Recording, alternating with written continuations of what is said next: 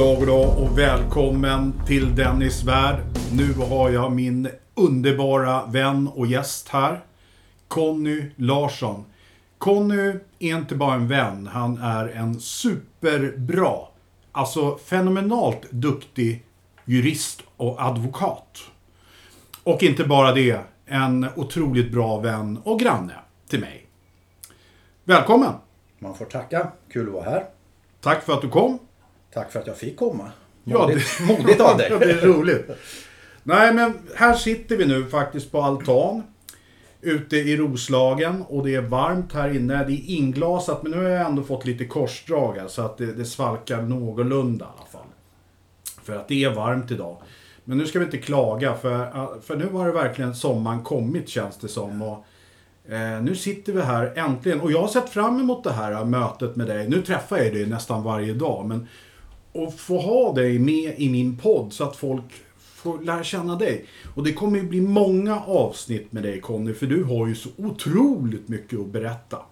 Ja, men det beror ju på att jag är ju till åldern kommen nu. Jag är ju... Ja just det, du är ju gammal. Ja, visst far det så. Men jag är ganska nöjd med det faktiskt. För att om man aldrig blev äldre så vore det rätt tråkigt det också. För det skulle ju betyda att man inte fanns längre. Ja, så är det. Så är det. Ja. Jaha, men nu sitter vi här och du är som jag sa advokat. Mm. Och det jag är nyfiken på och det tror jag många andra är till att börja med hur blir man advokat och varför vill man bli advokat? ja du, det är en väldigt bra fråga. Tittar man i backspegeln så kan man ju undra många gånger. Va? Men för min del så började det ju egentligen med att jag, jag var naturvetare från grunden. Jag gick ju natur på gymnasiet och ville väl egentligen satsa på något naturvetenskapligt från början. Så jag var väl inriktad på att ge mig på läkeriet eller tandläkeriet eller någonting sånt där. Men jag kom inte in utan jag kom in på mitt tredje alternativ som var juridik istället. Så att jag tänkte att jag kan väl börja där då och, och, och testa hur det där känns. Och eh, jag läste då juridik under tiden jag jobbade på Televerket borta i Karlstad av alla ställen. Och eh, var hemma och jobbade på sommarloven och eh, i den vevan så fick jag några ärenden på jobbet som var av juridisk natur då. Som gav mig blodad tand. Så jag tyckte det verkar roligt och just det här att hjälpa människor är någonting som är en egenskap man måste ha tror jag för att fungera som en bra jurist. Va? I alla fall i den rollen när du ska jobba med människor. Sen finns det ju många olika slags jurister Dennis. Det finns ju sådana som sitter och bara utreder frågor. Och där behöver du inte vara någon social snubbe eller tjej då som har en massa kontakter med människor.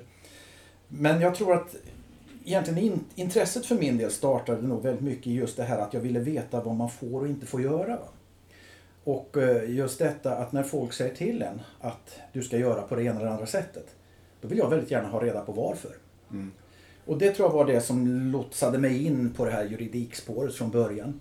Och sen till din fråga om hur man blir advokat. Ja, naturligtvis så måste du ha en jur, juristexamen då, eller jurkandexamen som man säger.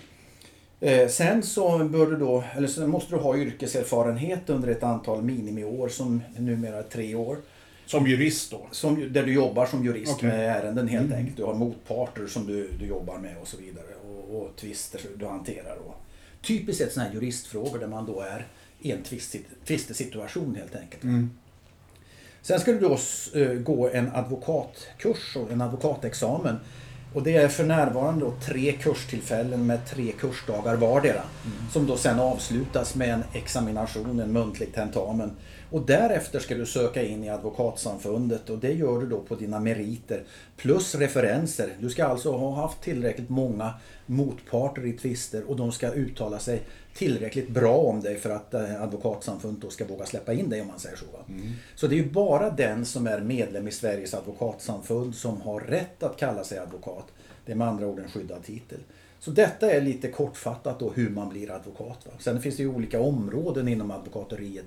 Precis som allt annat inom juridiken. Du kan vara, jobba med familjerätt, du kan jobba med brottmål, du kan jobba med affärsjuridik och skadestånd och allt möjligt sånt där du vet. Va? Ja, nej men alltså det är spännande det här. Eh, och jag har ju känt dig i många, många år nu. Och, och jag har fått hört så mycket intressanta saker. Och jag tycker det är så spännande. Hade jag kunnat backa bandet tillbaka, nu är jag också en så här, inte riktigt lika gammal som dig va. Det är tur för dig. Men ja, ja, det är kört för mig i alla fall. Så är det.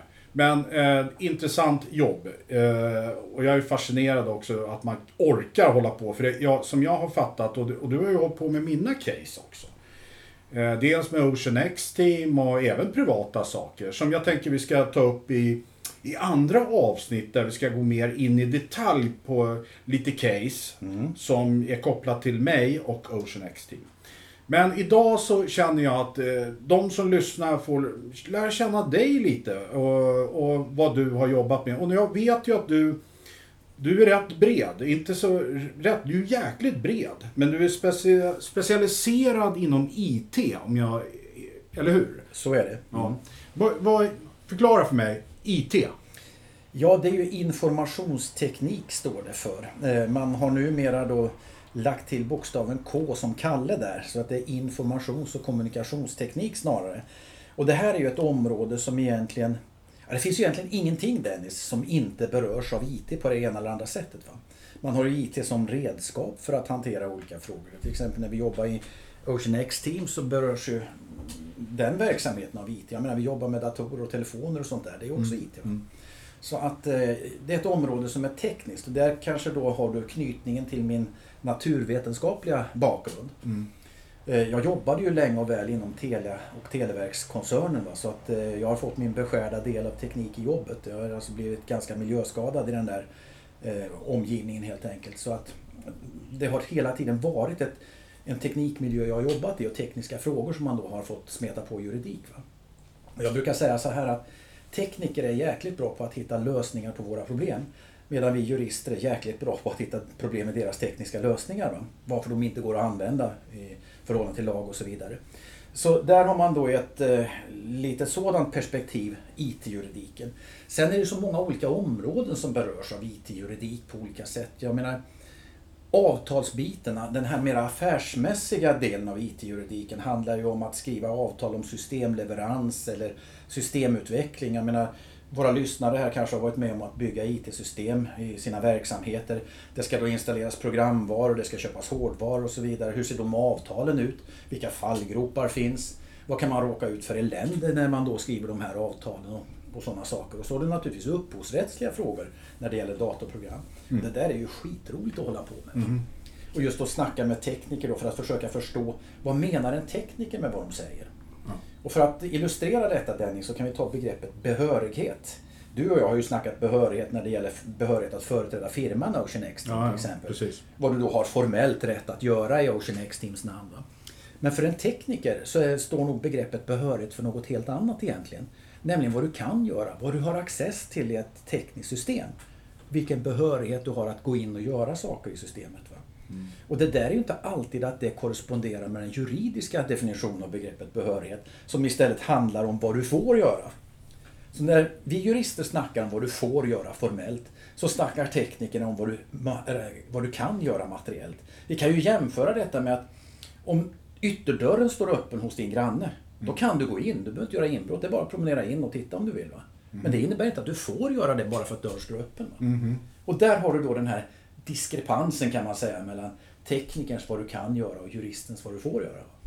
Ja, herregud. Ja, Visst är det roligt? ja det, men det... Är det så roligt? ja, för mig, jag vet inte katten, men, men för dig så kanske det är så, ja. Eller kanske, du, du säger ju det att det är roligt så. Ja, jag tycker det. Jag tycker det är intressant, spännande och utvecklande. Men eh, min sambo då, Sanna, hon brukar väl säga att det, jag lider av någon bokstavskombination och någon form av, det är väl i någon mening rätt. Men jag tycker det, det, det är ganska drivande att använda den här, det här ämnesområdet för att då ja, argumentera, analysera, komma till slutsatser. Vad betyder den ena eller andra texten i en paragraf eller ett rättsfall eller en, ett förarbete till en lagstiftning? Hur kan jag använda det i en praktisk situation för att vinna framgång i min talan till exempel? För att till exempel skydda dig i dina ärenden och så vidare. Ja, precis. Och sen, sen känner jag ju dig och jag har ju förstått att du är ju en otroligt envis herre. Du ger inte upp. Du krigar och krigar. Jag har aldrig någonsin träffat en person riktigt som... Du sitter ju på som kompetens. Dels som jurist och advokat. Men sen använder du den med, med 100% din kompetens. Och är det så att du inte kan vissa saker, då läser du på och du läser på tills du blir så super... Alltså, du har ju vunnit case, vet jag, som vi ska ta i andra avsnitt, som ingen trodde egentligen du skulle vinna. Men där vann du. Och ja, Men, men det är också väldigt mycket som så att när man har kommit tillräckligt långt i ett fall eh, så har du ingenting att förlora Nej, att kämpa vidare. Va? Ja. Och så var det ju ditt fall som vi Ja. kommer att tala om här. Ja. Mm. Arvsrättsliga historien. Jättespännande sak. Men jag menar, ska man förlora så kan man lika gärna göra det med flaggan i topp. Mm. Ja, men du, eh, jag vet ju att du har haft många case. Du har hållit på länge som sagt var som jurist och advokat. Och, eh, vad är det mest spännande caset? Nu behöver du ju inte gå in i detalj. Ja, men du vet ju det där. Det får, det får du ju inte göra va? Nej. Nämna namn och sådär. Men, Nej. men har du något sånt där smaskigt? Ja, alltså ditt case, ditt arvs och skatterättsliga case kan man Ja. säga, det är rätt smarrigt. Ja. Eh, dels av det skälet att man har då egentligen en motpart i periferin som är självaste staten i form av Skatteverket. ja. Eh, enbart det är ju då tillräckligt jäkligt för att det ska avskräcka så gott som vem som helst från att gå vidare. Va? Eh, sen hade jag ett ganska så omfattande narkotikamål för inte så länge sedan. Som också var spännande för det visar ju till exempel att man måste plocka in sakkunniga vid sin sida. Det räcker inte att man kan grejer själva för att övertyga en domstol om vad som är rätt och fel. Utan det står till exempel inte forensiker på mitt visitkort utan det står advokat. Ja. Då kan jag ju formellt per definition inte kunna någonting om forensik. Ja. Då måste jag ta med mig en person som det står forensiker på på visitkortet, vilket jag gjorde i det målet. Då. Och det bidrog ju till att jag kunde sänka straffet väsentligt åt min klient i det läget. Och nu ska vi också tänka på att brottmål i allmänhet är ju inte sånt jag håller på med. Nej. Men du nämnde lite grann om det här med IT-rätt förut. För att då har du den andra delen av IT-rätten som då handlar om IT-brott. Mm. Där då IT är ett mål, det vill säga an, det man angriper. Va? Eller att IT är ett medel, ett verktyg för att genomföra brottet. Du använder datorer för att begå be- bedrägerier till exempel. Va? Eller där IT på något sätt annars har en avgörande eller väsentlig betydelse då för målet och dess utgång. Till exempel att IT utgör en, en bevisning i det här målet. Och det vet ju du likväl som jag då att informationstekniken kan ju vara ganska komplex och komplicerad ibland. Mm. Och då handlar det om att få en domstol att förstå vad rör det här sig om egentligen. Och det är ju en trick. Det är en utmaning alltså. Ja, och där måste man ha med sig en IT-forensiker Ja. som, som pratar och beskriver för domstolen hur det funkar.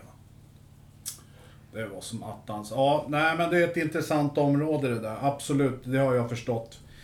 Nu, särskilt nu med alla bedrägerier och IT-kapningar och, och allt det här som händer. Folk blir lurade på internet. Jag kan tänka mig att det, det har ju blivit så mycket större än vad det var förut. Eller så mycket mer case än vad det var förut. Ja. I och med att det är utbrett nu med internet. Som sagt. Alla använder ju det i stort sett idag. Ja.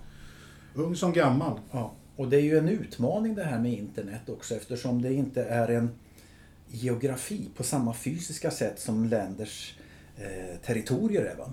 För att när man snackar om den digitala världen, den digitala miljön, så känner ju den inga nationsgränser för det är ju bara formaliteter som människor har hittat på och kläckt ur sig någonstans. Va? Eh, den digitala tekniken eh, gör enligt min, om man ska försöka sia lite grann och spå lite grann, så tror jag att informationstekniken och kommunikationstekniken gör att vi successivt blir nödgade att avskaffa nationalstaterna va, vad det lider. För jag menar, du vet ju inte säkert var du sitter någonstans när du begår en gärning eller skickar ett mail eller någonting. Va? Och om du skickar ett mail eh, här i Sverige som ska skickas till exempel till Sydafrika och så tar det omvägen förbi en server i USA säger vi innan det kommer ner till Sydafrika eller var det nu ska landa.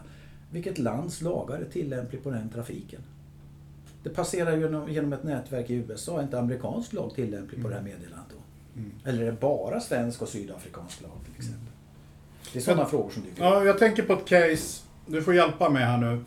Men om det var Transportstyrelsen som la ut eh, eh, på ett moln i ett utland.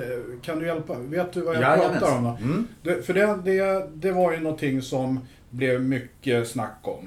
Och det är också på tal om spännande case som jag varit med om. Ett som jag var med lite perifert i och fick uttala mig om i olika sammanhang. Det handlade mycket riktigt om Transportstyrelsen som utkontrakterade skötseln av deras informationssystem innehållande deras fordonsregister och körkortsregister. Ja, och det utkontrakterades till aktörer i Serbien och Tjeckien. Om inte jag minns helt fel. Och ett väldigt intressant problem var att i de här registren så ingick även uppgifter om skyddade identiteter. Personer som eh, jobbade med militärt känsliga arbetsuppgifter. Deras fordonsuppgifter och körkortsuppgifter Mm. hamnade alltså också automatiskt med i, i högen ner till Serbien och Tjeckien. Och det där aktualiserade flera frågeställningar av tämligen intressant juridisk karaktär. Jag tänker då på säkerhetsskyddslagen som innebär att man ska skydda sådan information som rör försvaret. Va? Och eh, det rörde även offentlighet och sekretesslagstiftningen, uppgifter som omfattas av sekretess enligt lag. Som man också på det sättet överförde då Dennis till de här olika aktörerna i Mm. Serbien och Tjeckien. Plus personuppgiftslagen, PUL, som då gällde på den tiden. Och i samtliga dessa eh, författningar, där meddelade då dåvarande generaldirektören för Transportstyrelsen undantag. Vi behöver inte följa de här reglerna när det gäller det här tyckte de. Och det här var ju rätt intressant. Det är en väldigt spännande syn på lagstiftning. För att om man nu kan, kan fatta ett beslut på det sättet som innebär undantag från tvingande lagstiftning.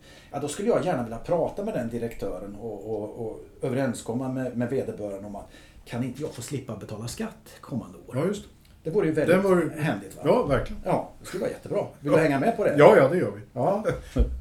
Ja, Så det, det, det där landade ju då i att man befann detta vara, ett, eh, vara olagligt.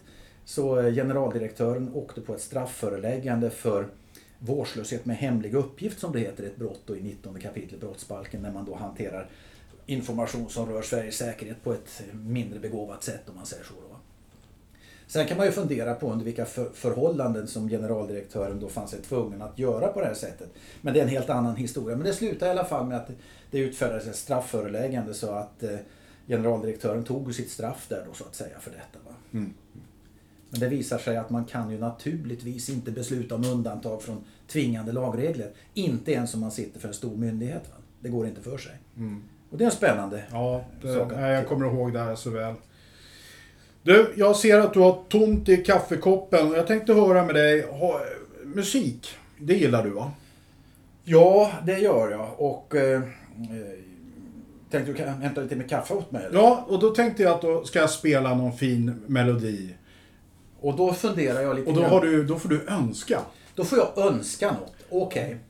Då skulle jag vilja En öns- Conny-låt. En Conny-låt. Gulligullan kokos som en gök. Ja, det är väl kanske inte just my cup of tea så att säga. när vi snackar kaffe. Ja, ja. Eh, nej, men jag gillar ju allt ifrån eh, heavy metal till klassisk musik. Ja.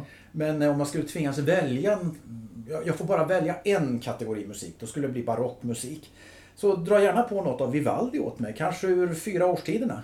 De fyra årstiderna. Ja. Ska jag köra den då? Ja, gör det. Ta Då- första satsen eh, ur, ur den, den delen som kallas vintern till exempel. herre, varför komplicerar du allt? Ja, det är väl för att det är roligt. Ja, ja.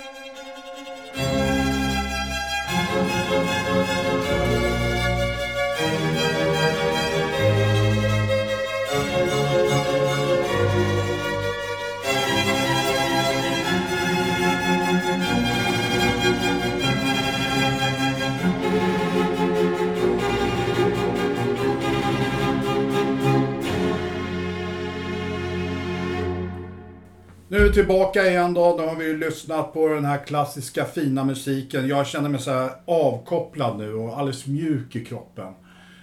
Och inte bara det, det är varmt här. Eh, jag tänkte lite här nu när vi satt och lyssnade på den här fina musiken att eh, jag skulle gärna vilja veta, jag tror lyssnarna också vill ha lite mer bakgrund. Var är det någonstans du har jobbat någonstans? Eh, jag vet att idag så har du egen advokatbyrå. Mm. Men innan dess? Ja, som du noterat så är jag ju en rätt gammal man så att det är en ganska så bra Ja, du bit- ser ung ut alltså. Tack, jag känner mig väldigt ung också. Min sambo tycker att jag är jäkligt barnslig så att det, är- det är väl bra att man... här bra egenskap. Jag tror det faktiskt, för att- faktiskt. Det, jag brukar säga när det gäller informationsteknik och även juridik så är det egentligen bara vår fantasi som sätter gränsen för vad som är möjligt. Va? Så då gäller det att ha en stor fantasi så kan man möjliggöra ganska mycket. Va? Nej men jag började nog min bana egentligen som verksjurist på Televerket Radio här i Stockholm en gång i tiden. Eh, och det var ett jobb som man faktiskt fick två dagar innan jag tog min, min examen formellt. Så att eh, det gick ganska fort. Du blev headhuntad eller? Så illa var det. Va? Och, eh, eh, så jag var där då och, och jobbade och Televerk blev ju Telia 93 07 01. Man gjorde alltså eh, bolag, privaträttsliga bolag utav en myndighet. Och det var en resa Dennis som faktiskt skulle kunna nästan eh, sysselsätta en hel podd, en hel, kväll för oss om vi skulle vilja längre fram. För det, det är också en massa spännande grejer som har hänt. Eh, Jag jobbade där fram till, från 89 då kan man säga, fram till 93 då, då det blev den här bolagsbildningen. Eh, Sen fram till 2001 så jobbade jag på olika bolag inom Telia-koncernen då med olika eh, frågor som, som specialitet. Det var allmänna villkor man skrev, det var skadeståndsrätt, det var eh, olika hyresavtal och arrendeavtal och ledningsrätter och allt möjligt då eftersom då eh, Telia skulle sätta upp sina basradiostationer för mobil telekommunikation här och var. Och det där var ju ganska spännande tvister som kunde dyka upp också eh, frågor om. Och eh, sen blev det ju då eh, 2001 så utkontrakterade ju Telia sex bolag och 6000 anställda till ett amerikanskt företag som heter Flextronics. Och då åkte jag med där då och blev bolagsjurist på Flextronics i cirka tre år innan Telia köpte tillbaka en liten del av verksamheten. Ganska omdömeslöst av dem för de kollade ju inte upp vilka personer de köpte tillbaka. Va? Så att eh, de fick ju med mig tillbaka av misstag då helt enkelt. Va? Så då satt jag där på juriststaben fram till, eh, från 2004 till 2008 och jobbade väldigt mycket med sådana här data retention-frågor, GDPR eller PUL då som det hette på den tiden, personuppgiftslagen. Eh, tystnadsplikt hos teleoperatörer.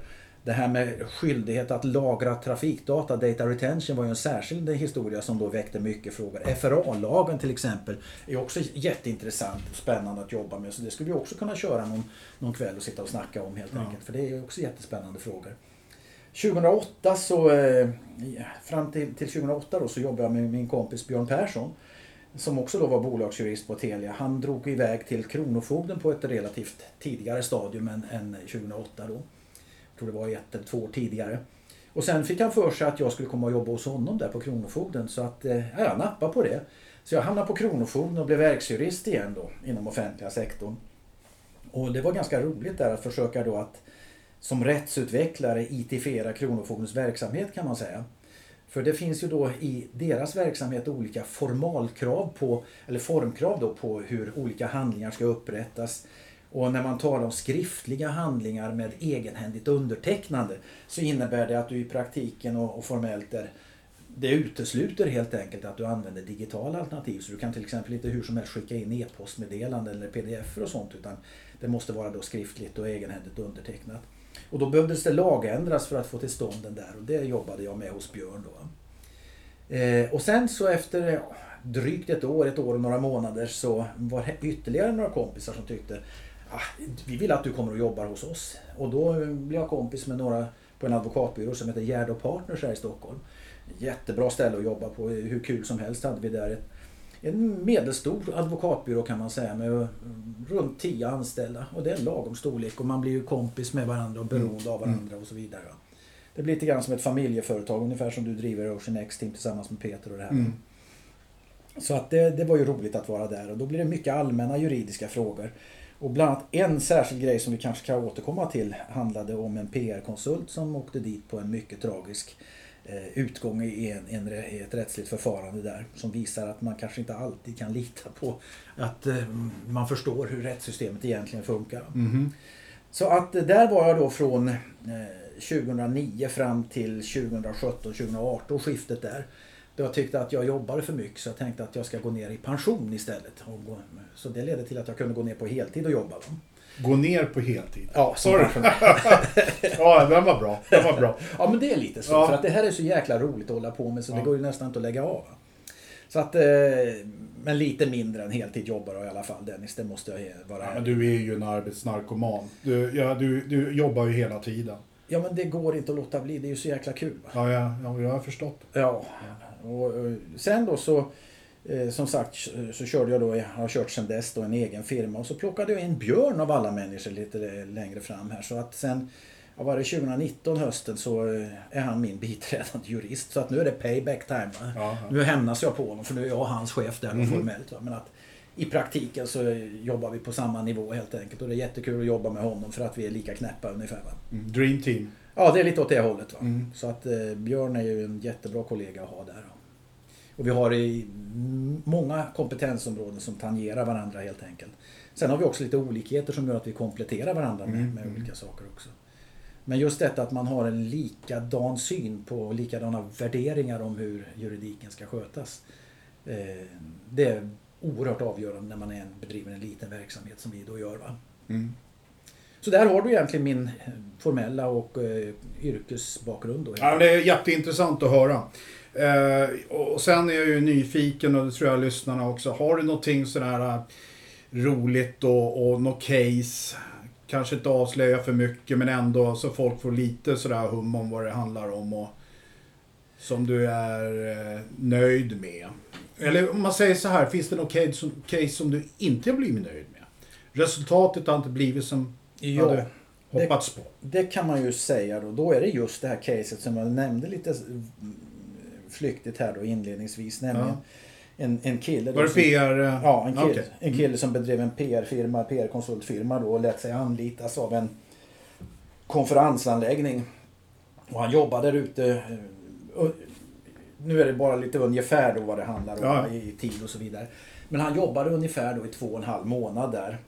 Och han eh, var sysselsatt tre, fyra dagar i veckan med det här projektet som han var delaktig i. Eh, Det var bara det att dumt nog så skrev de inget avtal. Utan eh, det kom senare då att när det här uppdraget var slut då skulle han skicka en faktura. va? Vilket han då gjorde. Och jag tror att beloppet var någonstans i runda slängar, säg runt 150 000 någonting sånt där. För två och en halv månad. Det är inte speciellt stora pengar det handlar om heller om man slår ut det. Va? Men svaret han får från sin klient då är att nej, eh, vi har inte kommit överens om att du ska få betalt för det här jobbet. Utan du har bara varit här för att visa upp dig för att kanske, möjligen, eventuellt få ett jobb om vi tycker det här är bra. Och eh, vi har kommit fram till att nej, vi vill inte ge dig några pengar. Så att det blir inga pengar. Va? Ja.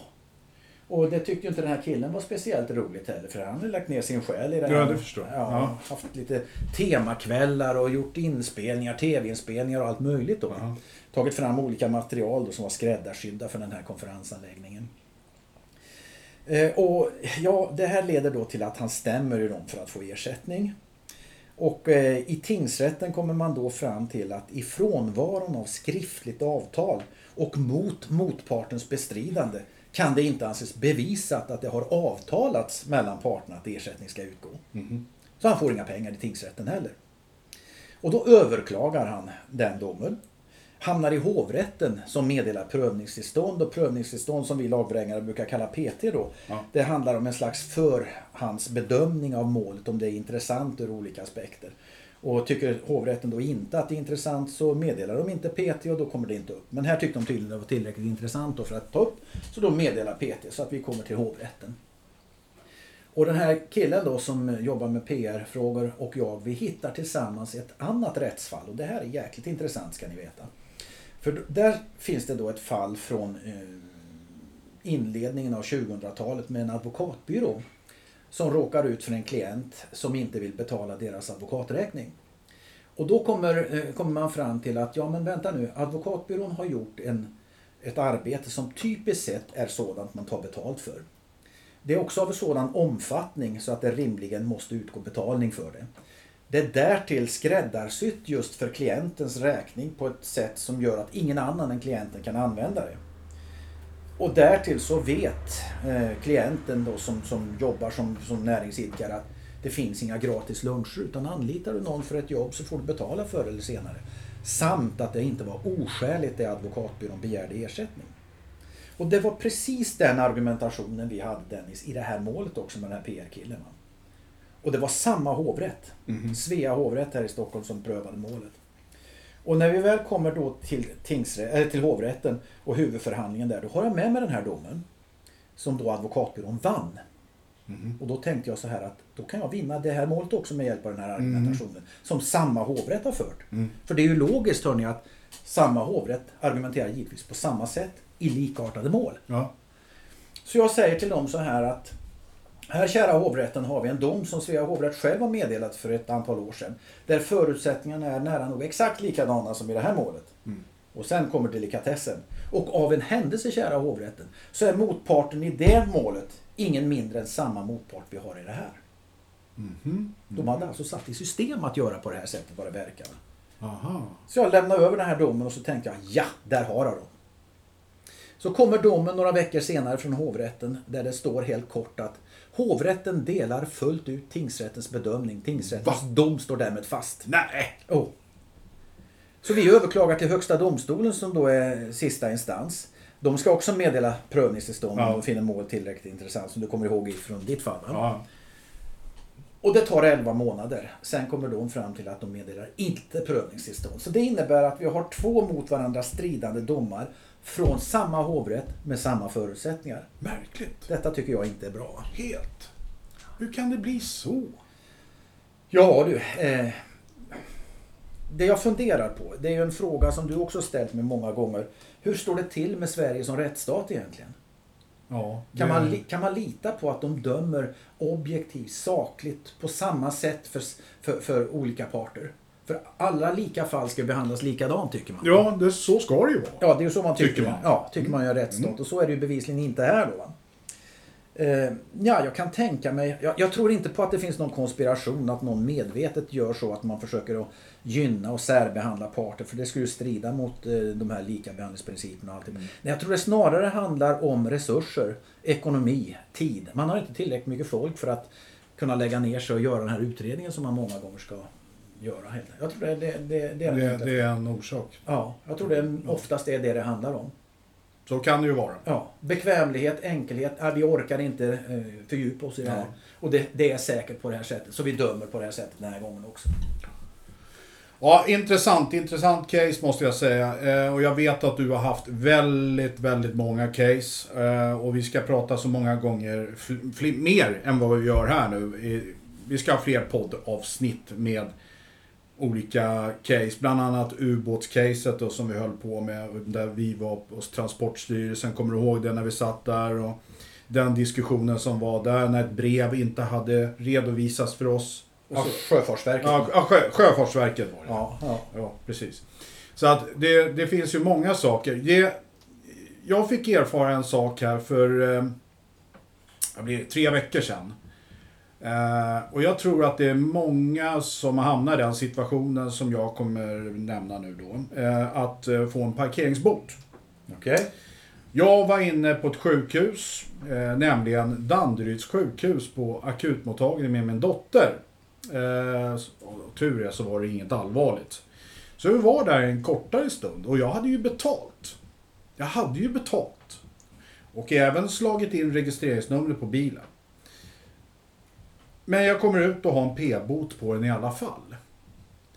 Och sen försöker jag, jag blir upprörd, Mm. förbannad. Vad fan är det här? Jag har ju betalt ju. Jag gick till och med in med min app på banken och kollade att de har dragit pengar. Mycket riktigt, de hade ju dragit pengar därifrån. Och sen har jag det här telefonnumret då som står på automaten där som jag ringer och ringer och ringer. Och det är bara en telefonsvarare. Så jag sitter i 20 minuter ungefär och väntar. Då, och då får, får jag det här svaret av den här rösten där. Att du har plats fyra. Du har plats fyra. I 20 minuter. Till slut gör jag, ger jag upp. Och eh, bestämmer mig för att jag ringer imorgon istället. Och hamnar exakt i samma situation igen. Du har plats nummer fyra. Och sitter då ungefär 20 minuter igen då. Sen gav jag upp. Så jag pröjsar den där räkningen. Och vad gör man i en sån här situation? När man har fått en p-bot. Och man vet att man har betalt och gjort rätt för sig. Ja. Och det var ingen biljett du skulle ha liggande i framrutan? Nej, utan det, här nej, en- nej, det var ett registreringsnummer som jag ja, skulle slå in. ja, och du slog in rätt registreringsnummer. Vad fick du p-boten för då? Vad var orsaken? Att jag inte hade betalt.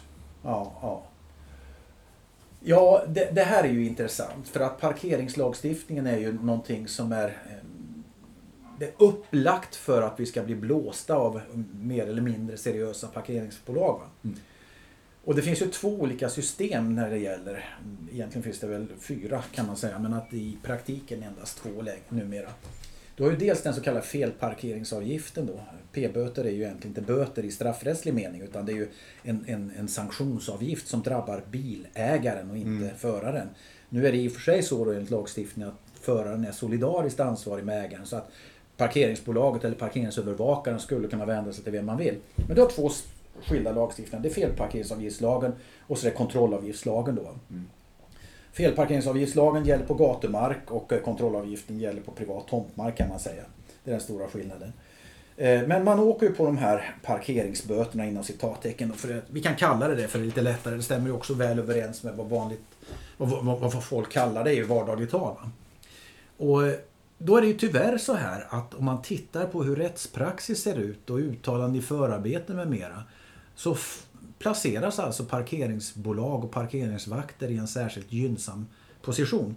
De har som en kompis till mig, Stefan Wahlberg brukar kalla det, ett institutionellt övertag i rättssystemet. Det vill säga att man tror alltid på att det de säger är sant. En parkeringsvakt eller parkeringsbolag har ingen anledning att ljuga, tycker man. Eftersom de möter då en privatperson som har ett intresse av att klara sig undan böterna. Va? Men då bortser man ju från att parkeringsbolagen har ju faktiskt ett vinstintresse som de drivs av. Och det tar sig uttryck i att kan de utfärda fler p-böter så får de ju större intäkter. Det blir mera bonus till cheferna va? och aktieutdelning till aktieägarna. Så det är klart som tusan att de har ett ekonomiskt incitament att om de kan utfärda även felaktiga p-böter. Och eftersom det rör sig om småbelopp och eftersom det är som du gjorde då, råkade ut för att hamna i en kö i hur lång tid som helst. Så orkar folk inte bråka för några hundralappar. Nej. För tänk dig själv att bedriva en rättegång där du kanske måste ta Ja, dig ledigt från jobbet. Precis. Och gå och sätta dig där och det är ju en pressande situation att vara en domstol och alltihop. Då ska du anlita en advokat också. Ja, det måste du nog också räkna med att du behöver göra. Och då får du inte betalt för den för att Nej. ersättningsreglerna är sådana att du får bara betalt för eh, juristhjälp om det är andra Ja. mål än småmål. Och därför betalar man. och därför betalar man för det, det är inte värt det. Även fast det, ja, men visst är det lite märkligt. Ja. Och, och då tycker man så här, har inte kommunen eller markägaren något ansvar i det här? När de anlitar ett parkeringsbolag. Det problemet är ju att vem som helst kan starta ett parkeringsbolag. Ja men då gör jag det. Ja. Här på tomten ska vara en parkeringsbolag. ja. Ja, Nej, men jag, jag, jag mm. förstår inte varför vissa aktörer inom den organiserade brottsligheten inte i högre grad eh, Satsa på det. Ja. Och får dessutom domstolarnas hjälp med att få in pengarna. Ja, det är fruktansvärt. Så där har du ett sånt där speciellt område där man kan fundera på rättssäkerheten och om Sverige verkligen lever upp till rättsstatsbegreppet. Man har annorlunda anordningar i andra länder. Norge har du till exempel en parkeringsklagenämnd där man då har en professionell och eh, objektiv prövning av p-böterna innan man driver det vidare till rättegång om man så vill. Intressant, tack. Nej men eh, som sagt, jag betalar ju den där p-boten för jag kände att det var, det, det, jag kommer ingenstans. Och, men det känns, man, man blir förbannad. Och sen har jag tänkt på andra saker. Eh, och det tror jag att många av våra lyssnare också gör. Hur kommer det sig att Sverige som land och stat, ska man kalla det för det? Men det är väl en rättsstat där. Eh, straffen. Jag menar, varje dag det skjuts ihjäl människor, det rånas och det är utpressning och det är så mycket elände nu som, som de senaste tio åren, och nu ska ja, senaste åren här bara, det har exploderat. Och, och jag känner ju som sagt var poliser som är kamrater med och de känner maktlöshet när det gäller det här. Att de låser in en person och så är personen ute igen efter bara några dagar. Eh, va- Hur känner du som advokat när du får se det här samhället? När folk som mördar och gör så, bara frisläppta. Jag menar, du har ju den här killen. Jag, jag kommer inte ihåg några detaljer runt omkring det, men jag tror du vet vad jag pratar om. Eh, eh, som våldtog en tjej och fick skadestånd på 800 000 på grund av någonting med åldern. Va? Och den här äh, tjejen då, som hennes liv var ju, det ju förstört. alltså. Hon fick, var det 3000 kronor? Då? Ja, hon fick mer än så. Det var nog ett par hundratusen. Alltså, det här är ju en sån där sak som är en juridisk Det teknisk gör- fråga. gör ont. Ja, och det där måste man då som jurist och speciellt som lagstiftare och rättstillämpare fundera på. Hur upplever allmänheten regelverket när det ser ut som det gör? Ja. För jag vill påstå att de har dömt helt och hållet rätt och beslutat helt och hållet rätt. Utifrån de juridiska förutsättningarna när de beviljar den här killen som har suttit för länge baserat på hans eh, yngre ålder då än Ja, som visar ja. sig. Att han ska ha det här skadeståndet om 840 000. Va? Jag, jag kan inte alls se att det är något fel i, i, i, i form i alla fall. De har följt reglerna de betalat Mm. ut. Men när du ställer det i relation till att offret då får ett par hundratusen istället och du kan ställa det ytterligare i relation till andra grejer som till exempel den här 11-åriga flickan som blev ihjälkörd på Drottninggatan 2017 i april. Mm, mm. Eh, Där föräldrarna får då eh, någon, någonstans runt 120 000 i skadestånd. Eh, och detsamma gällde den här flickan som blev våldtagen och dödad. Och den här lastbilschauffören för några år dessförinnan. Fick också något liknande i skadestånd. Och då kan man ju faktiskt göra så här. Man slår på sin miniräknare helt enkelt. Och så delar man 840 med 120. Och vad får man fram då? Jo, att det skiljer sju, talet 7. Och det här är min, kan vi säga då, min naturvetenskapliga läggning som gör att jag får samma resultat varje gång jag slår de här talen på miniräknarna. Alltså 840 000 är sju gånger mer än 120 000. Och då kan man fundera på Dennis, är verkligen resten av de här 11-åriga flickornas liv bara värd en sjundedel utav den här killens extra månader i fängelse? Och den liknelsen så ska man då alltså av juridiskt tekniska skäl inte få göra. Men moraliskt etiskt, vad är det som hindrar allmänheten att tycka att jaha, det är värt sju gånger mer för en våldtäktsman att bli av med några månader av sitt liv på kåken än att en 11-årig flicka förlorar resten av sitt liv.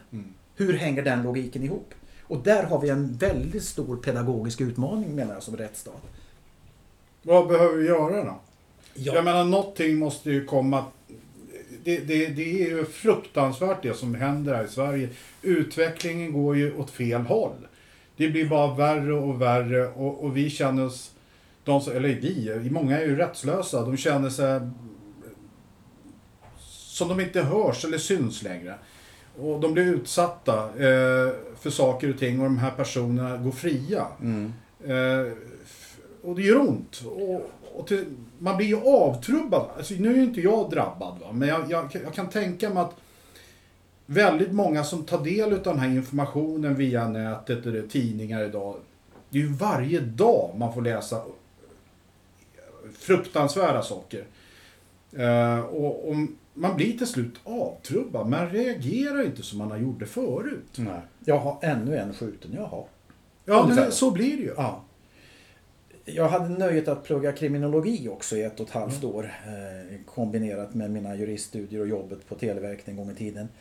Och det är ju så här att politikerna har ju väldigt ofta enkla lösningar på problemen. Vissa, mm, en viss sida utav politiken talar ju om att det är hårdare straff och fler poliser och längre straff och allt möjligt och utvisningar och alltihop som hjälper. Medan den andra sidan då talar om annat lullull som till exempel att man ska ha ungdomsgårdar och satsa på preventiva grejer istället och, och ha kontakter inom socialtjänsten och så vidare. Och problemet Dennis är att ingen av de här sidorna har ju egentligen fel. Mm. Båda de här åtgärderna behövs. Och det, handlar, det är ju jätteviktigt det som eh, vänstersidan då säger att försöka att med preventiv, eh, preventiva åtgärder, samhällspreventiva åtgärder, få folk att avstå ifrån det här. Va? Skapa en sån miljö för våra ungdomar att de inte väljer den brottsliga banan. Men när det är väl för sent då och du har personer som skiter i allt och struntar i om de skadar andra människor. Då kanske inte det hjälper att skicka ut dem på någon eh, resa eller ge dem ett nytt biljardbord på en ungdom, ungdomsgård eller så. Utan de är farliga för sin omgivning. Då kanske det sista som återstår är att låsa in de här. Va? För då begår de åtminstone inte brott under tiden de sitter inlåsta. Så jag tycker att man ska inte utesluta någon av de här Nej, nej, nej, nej. Det måste kombineras. Det är jättebra. Ja, men där håller jag med dig fullständigt. Sen tror jag, eh, det som har hänt nu den senaste tiden, nu är det i och för sig kanske två år sedan de började med värnplikten igen. Den tog de ju bort. Och det, det var det dummaste. För att värnplikten för mig, det var en skola. Det var något nyttigt för mig. Det var där jag växte. Det var där jag kände att jag kunde utveckla mig och förstå mig själv. Eh, så var det för mig i alla fall. Och kände mig trygg. Eh, och jag uppskattar ju idag att det är igång igen med värnplikten. Det, för det, det kan forma väldigt unga människor på ett positivt sätt. På den tiden jag växte upp och gjorde lumpen, då var det obligatoriskt för oss killar. Eh, Ja men det var det ju för mig med. ja, ja, du, är, du är inte så gammal trots allt va? Nej, men jag, ser, Men du var- jag ser ut som 25. Ja, tycker, Men- jag men- tycker du ser ut som 17 egentligen. ja, tack ska Ja, det är bra. Ja. Nej men alltså allvarligt talat så det, det har ju kommit på senare tid. Dels det med att tjejer ska göra värnplikt också. Eh, och det är ju bra. Att, Det är bra. Ja, vi, Absolut. vi ska behandlas lika. Sen är det ju så att det är begränsat till antalet. Så att det, det är ju inte på samma sätt som när vi växte upp då var, var tonåringar och blev värnpliktiga. Ja, så är det. Eh, Man kan väl tycka då att det är jäkligt tragiskt att de här frågorna behöver dyka upp igen men att utvecklingen ute i vida världen ser tyvärr ut som den gör då med, med Putins eh, angrepp på Ukraina och alltihop. Och det, det finns ju naturligtvis andra oroshärdar också som föranleder att man bör överväga sådana här saker. Men tyvärr ser det, ser det inte lika bra ut längre som det har gjort tidigare. Va? Och eh, det där är ju då en, en grej som man tycker att ja, värnplikten, lumpen kan fostra människor och göra folk av dem så att säga. Man får lära sig ta ansvar och Eh, värdesätta andra människor och hjälpas åt och samarbeta och alltihop. Och det behöver vi naturligtvis kunna göra i högre grad. Så att eh, jag tror också att lumpen kan hjälpa till med detta i, viss grad. Så Conny, jag, jag har en fråga som jag tycker är jätteviktig för mig att eh, få ett svar på. Om du kan ge mig ett bra svar. All information runt omkring mig och mina personuppgifter, jobb, inkomst, företag. All den information. Alltså, vilka kan ta del av det här? Vad är det för regelverk som gäller runt omkring det? Kan vem som helst få information om mig? Nej, det kan man inte. Det finns ju skyddat då i olika system. Du har ju olika lagstiftningar som också hindrar tillgång till och användande av dina personuppgifter och information överhuvudtaget. Du har ju GDPR, alltså eh, General Data Protection Regulation som det heter på engelska. Ja. Som gäller här i Sverige då naturligtvis och hanterar då hur du får behandla personuppgifter om folk. Va? Och ju känsligare personuppgifterna är desto restriktivare är det att få behandla dem som det heter. Va? Sen har du också regler om tystnadsplikt. Hos myndigheter gäller offentlighet och sekretesslagen som gör då att de inte hur som helst kan lämna ut eller använda uppgifter. Till och med inom myndigheten gäller ju sekretess. Va? Så finns det olika verksamheter, typ banker och teleoperatörer, kreditupplysningsföretag, inkassobolag, posten med, med flera då som har specialreglerade tystnadsplikter i olika specialbestämmelser som säger att man inte obehörigen får använda. Och det här innebär ju, det är en jätteviktig fråga, att man inte använder uppgifter för andra ändamål än för vilka de är insamlade från början. Det vill säga att polisen använder sina personuppgifter bara för att utreda brott och inte för att spionera på folk för att kolla om de har obskyra saker för sig på sin fritid och ägnar sig åt en massa eh, politiskt och Men luddiga saker. men kan vi lita på det?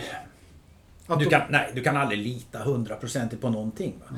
Så att det, det, det första som förutsätts är att du får ha möjlighet att ha koll på hur dina personuppgifter behandlas. Ja. Och det är ju inte säkert att du får heller för att om du tar till exempel det här med FRA-lagstiftningen och underrättelseverksamhet så är det ju hemligt den här verksamheten. Eh, vad den består av och, och vad man gör. Så att det får du ju inte reda på hur dina personuppgifter, om de nu förekommer, används. Va? Men det här är ju en sån där sak som är jätteviktig i ett samhälle som gör anspråk på att vara en rättsstat. Att du har klara bestämda regler för hur uppgifter får behandlas. Och att man då håller sig till de ändamål för vilka uppgifterna är insamlade. Och sen ska vi ju veta att ju mera våldsamt, du pratade ju om våld här och att det ökar våldet i samhället och alltihop. Och ju mera våldsamt ett samhälle blir, desto större blir ju också anledningen för samhället att skydda sig genom att behandla information för att ta reda på var begås brott och vilka begår dem och hur ser det ut och så vidare. Så våldsutvecklingen är ju negativ ur den aspekten också. Att det ger, innebär ju att myndigheterna har ju större anledning att behandla information om oss. Va? För att kunna skydda oss. Säkerhet kontra integritet helt enkelt. Det jag tänker på eh, är det här med DNA. Bankerna nu som dyker upp. Där de är ancestors, när man kan leta efter släktingar som är samma DNA-kod nästan som man har själv. Och så kan man, jag menar, det är någonting som växer nu. Det blir bara mer och mer. Kan den här datan missbrukas och användas utav försäkringsbolag och för att då se om ja, men han, han lider av en hjärt och kärlsjukdom, han kan få cancer och så vidare. Det är sånt där jag tänker på kan... Det är, jag, det är sånt jag är orolig för. Att eh, folk eh, separeras. Alltså det blir... Här är du sjuk, du är sjuk, du tillhör den här gruppen. Alltså högre premie. Eh, och så vidare. Och det där är ju ett risktagande som man då får göra när man lämnar ut sin information till olika ställen. Så det, man ska vara försiktig. Man ska vara försiktig, det är en utgångspunkt. Helst ska man ju lämna ut ingenting om sig till någon. Men att ibland är det ju nödvändigt för att du överhuvudtaget ska kunna komma i åtnjutande av en tjänst och så vidare. Och när du talar om det här med DNA-register då över eller register över, över släktingar och sånt i släktforskning till exempel. Då ska vi ju veta det att uppgifter om döda människor skyddas ju inte i GDPR. Jaså? Utan det är bara uppgifter om levande människor som skyddas. Va? Jaha. Så det är ju en, en sån där grej som man ofta inte tänker på. Nej. Men, men det är ju så här att all information som typiskt sett kan verka okänslig vid ett första påseende kan ju sammantaget och tillsammans med andra uppgifter ge en bild som är betydligt mer inträngande och ingående. Alltså du plockar ihop okänsliga uppgifter och så får du helt plötsligt en känslig information om någon. Det ska man också tänka på. De har ju löst brott tack vare DNA idag. Eh, och det är ju bra. Där de har hittat förövaren efter många, många år. Och då är det ju släktforskare som har lyckats på något sätt att fiska fram den här personen. Så att det, det är spännande utveckling, men samtidigt lite läskig. Eh, för blir det fel person eller fel företag som får ta del av den här informationen så kan, kan det bli följder därefter också. Så att, eh, ja, jag, jag förstår. Ja, men jätteintressant. Conny, Ja. vi har pratat nu ett tag och det ska vi fortsätta med i ett annat avsnitt. Men jag tänkte vi ska runda av lite här nu. Eh, och så ska vi träffas framöver igen och prata om något annat. Jag, men, jag vet att det är så många grejer vi kommer ta upp, du och jag. Eh, och eh, då tänkte jag först... Ja förresten, vad heter den advokatbyrån du har idag? Den heter advokatfirman Singularity Law AB. Jag gör så att jag lägger en länk där nere till din advokatbyrås hemsida. Så vill man gå in där och läsa lite vad du håller på med och så vidare och eventuellt kontakta dig om det är så man vill. Så kan man göra det via hemsidan då. Problemet är ju då att då ser man också en bild av mig så att det kanske kan skrämma bort en Ja, men precis. Vi kanske ska sätta en streckgubbe där istället. Nej. Skämt åsido, du är en fenomenalt duktig advokat och människa. Tackar, det är du också. Och jag är jätteglad för att få vara vän och kompis och ja, underbart. Det är ömsesidigt. Ja, ömsesidigt tack. Dennis. Det- Så jag tackar för att du kom och så hoppas jag att ni lyssnare eh, lyssnar på oss snart igen. Vi kommer med spännande avsnitt igen som kommer att kanske handla om mitt case. Där Conny Larsson, min polare som sitter framför mig, vann case, mitt case. Och vi gick ända upp i, i HD. Och där vann vi.